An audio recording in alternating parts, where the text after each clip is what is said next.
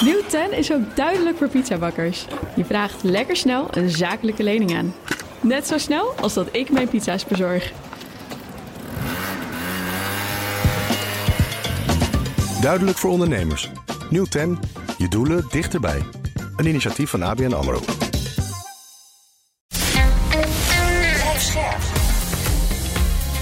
BNR Nieuwsradio. Boekenstein en de Wijk. Hugo Reitsma. Dit is een extra uitzending van Boekenstein en de Wijk in verband met de oorlog in Oekraïne en de crisis met Rusland. Het is woensdag, dag 259 van de invasie. En uh, er is nieuws. Rob, je bent net eventjes de live-uitzending ingesleurd door de collega's hoe, hier. Hoe groot het nieuws is. Ja. Want Sergei Shoigu, de Russische minister van Defensie, heeft de terugtrekking van Russische troepen uit Gerson en de westoever van de Dnipro aangekondigd. Dat is nogal wat. Dat is inderdaad heel wat. Als het waar is, dat moeten nog even uh, bekijken of het klopt. Uh, dan is dat een onwaarschijnlijke slag voor de Russen. En een onwaarschijnlijke overwinning voor Oekraïne. Uh, we hebben, nou ik denk twee maanden geleden toen deze hele slag daar begon in het westen. Hebben we gezegd van dit kan Oekraïne winnen. Als je maar voldoende bombardeert en alle aanvoerlijnen afsluit, zodat men niet meer in staat is om over de, de rivier te komen, dan ben je in staat uiteindelijk theoretisch om dat hele gebied terug te veroveren. Nou, als dit waar is, dan is dat gelukt. Tegelijkertijd moet je constateren dat voor Rusland dit, deze stad onwaarschijnlijk belangrijk is. Mm -hmm. Uh, het opent voor Rusland de weg naar Odessa. Het opent voor Oekraïne, als die wint, de weg naar de Krim. Dus je zou verwachten dat er een enorme slagpartij kwam, komt. En wat ook heel merkwaardig is, is dat er stond in de New York Times een aardig stuk over de desinformatie die over ons wordt uitgestrooid. Zowel door Oekraïne als door Rusland. En Oekraïne die zei van ja, desinformatie is dat ze weggaan uit, um, uit um, Gerson. Uh, want wat zij proberen te doen is ons naar die stad te lokken. En ze mm -hmm. staan nog absoluut niet aan de buitenwijken van, van Gerson. om daar een stedelijke oorlogvoering te gaan voeren. En dat is uitermate bloedig. Ja. Het, het, zou waar kunnen zijn. En dan is het zeer merkwaardig. Het zou desinformatie kunnen zijn. Dan past dat in het, in het beeld. Maar uiteindelijk, weet je, is de kans vrij groot dat met die nieuwe wapensystemen die ze krijgen van, van de Amerikanen, dat ze op een of andere manier dit wel gaat lukken, de Oekraïners. Ja, zo. Nou ja, kijk, weet je, als dit waar is, Piotr Sauer zegt het in de uh, Guardian, hè. Ze hadden dus al een probleem met de bevoorrading van de stad Gerson. Ja, zeker. Nou, we hebben allemaal verhalen gehoord van soldaten die daar nogal aan het ingraven waren. Maar het probleem was dat die hadden nog steeds een bevoorradingsprobleem. Dus op zichzelf genomen is dit wel logisch als je dit doet. Alleen, dit is ja, dit zegt Shogu. Hè? En dan moet je dus verder nadenken. Poetin zelf zegt nooit als dingen mislukken. Dat laat hij dan over aan andere mensen. Mm -hmm. Dat past wel in dat patroon. Mm -hmm. hè? Maar we moeten het nog even afwachten. Nee, een ander punt wat er hierbij komt. En waarom dit echt een enorme slag is. Ook voor uh, Poetin. Als het waar is. Hè? Ja.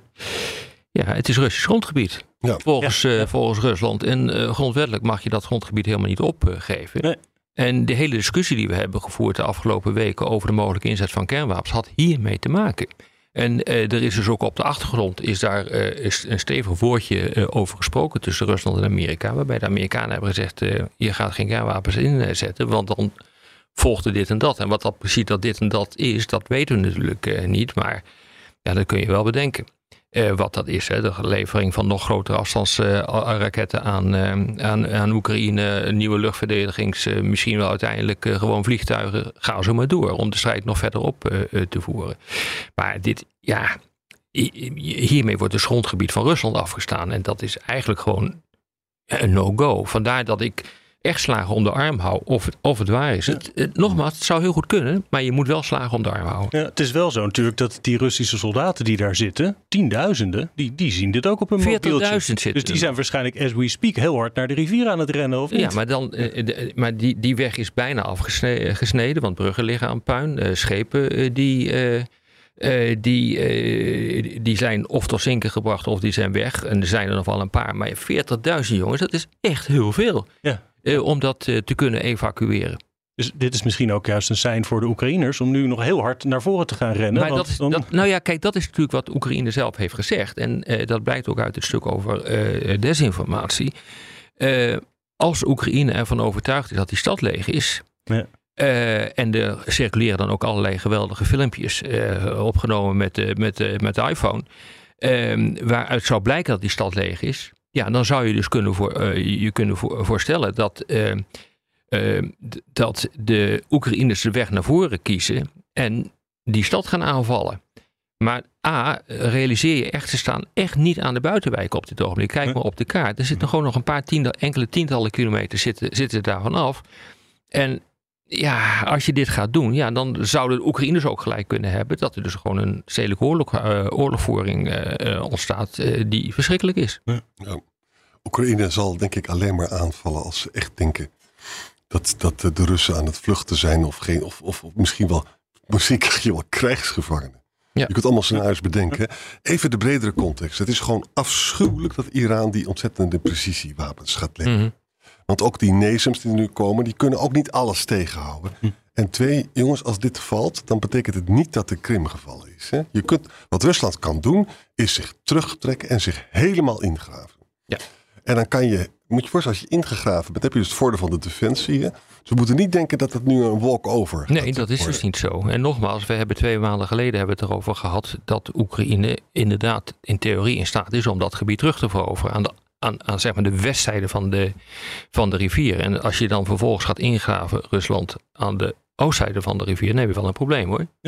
Hey, jij noemde die Iraanse raketten. Patrushev is in, in Iran. Ja. hè? werd Ja. gemeld dat hij gisteren eh, is geland om, om daar te praten. Ja, waarschijnlijk over meer wapens. En dan is inderdaad de vrees ook dat ze niet alleen drones, maar ook van die ballistische Ja. raketten krijgen. Ja. En die raketten zijn preciezer dan de Russische raketten. Ja. En zijn ook getest. Ja. Nee, dat is echt geen goed Nee, nieuws. kijk, wat je dus al een hele tijd ziet, en het zou best kunnen zijn dat de hele discussie over Gerson, waar we het nu over hebben, past in een breder plaatje. Namelijk dat eh, de Russen echt gaan consolideren, sol- consolideren op gebied wat ze echt kunnen, kunnen vasthouden. Dus met natuurlijke grenzen eh, daarin. En het vervolgens gaan verleggen eh, naar de strijd in het achterland. Dus intensivering van raketaanvallen. En het gaat hier dan om de Fateh 110. Dat is een eh, raket, een ballistische raket. En daar zit, zit het punt in. Hè. Dus een ballistische raket is er eentje die met een boogje vliegt. Ja. In plaats van een kruisraket die ehm, zeg maar een baan recht eh, parallel aan de aarde eh, gaat, gaat vliegen. Die heeft een afstandsbereik van 300 kilometer. En dan heb je dan nog de Zolfaghar.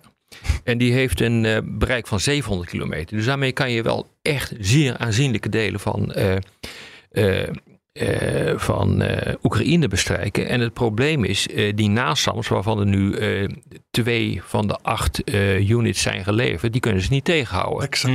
exact. En dat geldt ook voor die IRST-systemen van, eh, van eh, Duitsland. Ja. Eh, die, dat zijn echt hele fantastische systemen. En het probleem is alleen, dat soort wapensystemen, eh, die zijn niet geschikt voor ballistische raketten. Wel Mhm. bijvoorbeeld kruisraketten, helikopters, drones. Maar een drone is een goedkoop iets en een raket is een duur iets. Dus het is een hele dure manier om, eh, om bijvoorbeeld die goedkope drones binnen tegen te houden. Ja. Maar dus als Rusland een paar honderd van die raketten op de kop dan kan tikken in Teheran, Ja, dan kunnen dus- ze echt eh, Nou ja, dit- het, licht uitdoen in Ja. Oekraïne. Nou ja, dit, is, dit, dit kan echt een gamechanger zijn. Dus eh, Hm. al dat gedoe eh, van eh, te vroeg juichen, dat zou ik maar vooral nu niet doen. Eh, ook al stel je voor inderdaad dat eh, Oekraïne eh, deze overwinning boekt en ik gun ze het van harte. Eh, dan, moet je, dan, dan moet je er nog steeds van uitgaan dat die strijd zich gaat verleggen naar de rest van Oekraïne met lange afstandssystemen. Nou, dat is echt een groot probleem. En dat is ook een probleem voor het Westen, omdat we dan te maken krijgen met hele hordes vluchtelingen. En het Westen kan daar niet zo geweldig mee omgaan. Nee, dat is wel eerder bewezen. En verder, die raketten kunnen vrij simpel van Iran naar Rusland komen. Hè. Je hebt gewoon op, de trein of op vliegtuigen. Kan allemaal. Kunnen de Amerikanen ook niet tegenhouden. Dus het is gewoon heel vervelend. dit. Nou ja, of ze in het vliegtuig kunnen, dat weet ik nog niet. Maar het zijn wel behoorlijke dingen hoor. Die raketten zijn gewoon 10 meter lang hoor. Ja.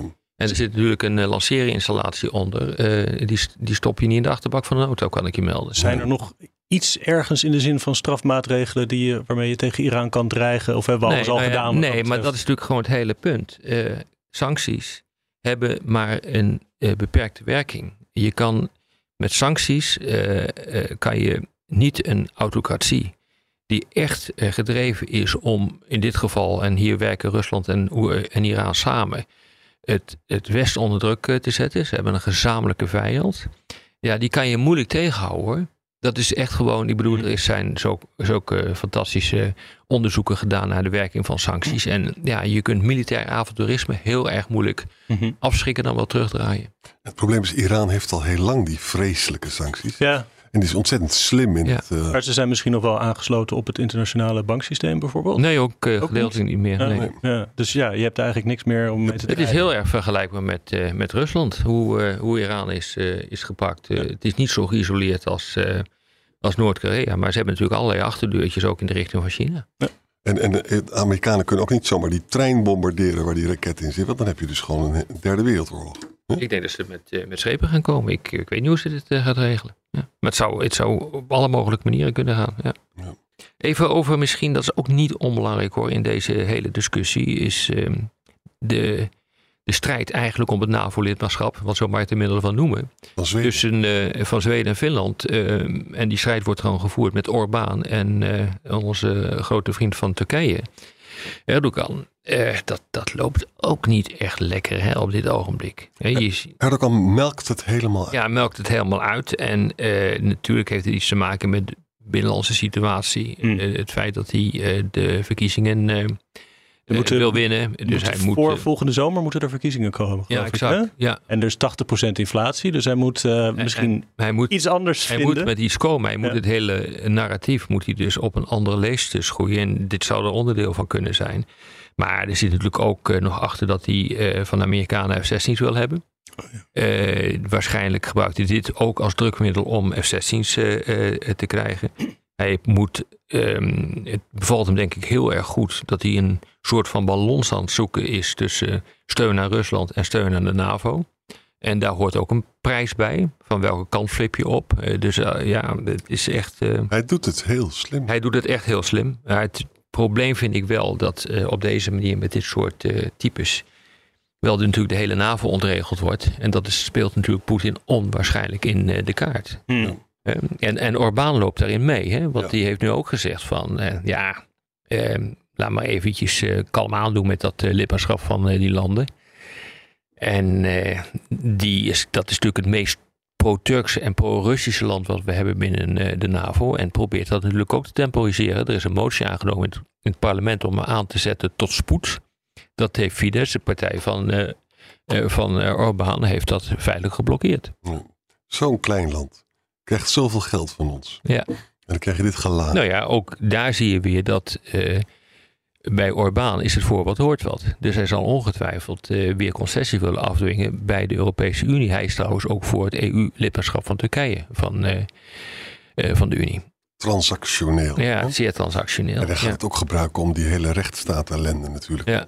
Maar het grote probleem vind ik wel, dat iedere keer wordt er gezegd door Orbán en door Erdogan, nee oké, we, we gaan tekenen.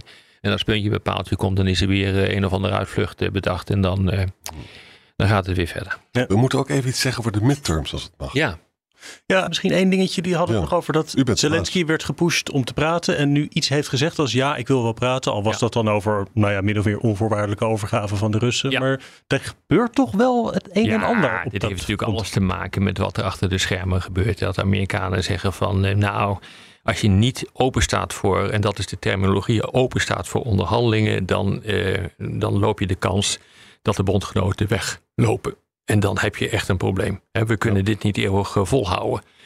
Ja, en eh, hij, hij zegt, nou ja, ik sta wel open eh, voor onderhandelingen. Dat kan je ook makkelijk zeggen. Als je dus met eisen komt van alle Russen het land uit en herstelbetalingen. Ja, Ja. weet je, ja, daar gaan de Russen natuurlijk nooit mee Terechte akkoord. eisen natuurlijk. Ja, op maar, ja. volstrekt terechte eisen. Maar Ja. je kan niet verwachten dat Rusland daarmee akkoord gaat. En dat weet hij zelf ook wel. Maar Mhm. het feit dat dit nu gezegd wordt, betekent wel iets. En het kwam ook door die midterms, hè, met grote angst daarvoor. Even misschien over die midterms. Ja, er, ja. er is dus geen rode golf gekomen, jongens. Dat is Mhm. wel belangrijk. En wat ik ook heel belangrijk Je bedoelt een eh, overwinning, een klinkende overwinning van de, dat van is, de dat Republikeinen. is niet gebeurd. Ja. Het is waarschijnlijk wel zo dat Republikeinen een kleine meerderheid krijgen in het huis. Senaat hangt. Is nu nog onzeker, hè? Ja. Nou, wat ik echt een hele leuke ontwikkeling... Daar wacht ik eigenlijk al jaren op. Hè. We zien nu de grens van Trump in beeld. Dat lijkt zo te zijn. Want, want heel vaak zitten er dus gematigde democratische kandidaten tegenover de kandidaten die Trump steunt. En te vaak hebben die eh, gematigde democratische kandidaten gewonnen. Ja, ja. En dat betekent dus dat het niet zomaar is als Trump een, een of andere merkwaardige meneer steunt, dat Ja. hij het ook haalt. Er zijn dus binnen de Republikeinse Partij ook mensen die vinden dat hij te veel schreeuwt. En ook te extreem is. Hè?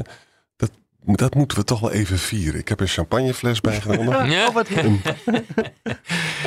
Ja, je gebruikt ook el- elke aangelegenheid, elke Ja, gelegenheid om met de drank eh, op de proppen te komen. Hè? Ja, je had caviar meegenomen. ja. Nou, zullen we dan maar afsluiten? is de caviar. Tot morgen. Tot morgen. Dat morgen. Nieuw 10 is ook duidelijk voor pizzabakkers. Je vraagt lekker snel een zakelijke lening aan. Net zo snel als dat ik mijn pizza's bezorg. Duidelijk voor ondernemers. Nieuw 10, je doelen dichterbij. Een initiatief van ABN AMRO.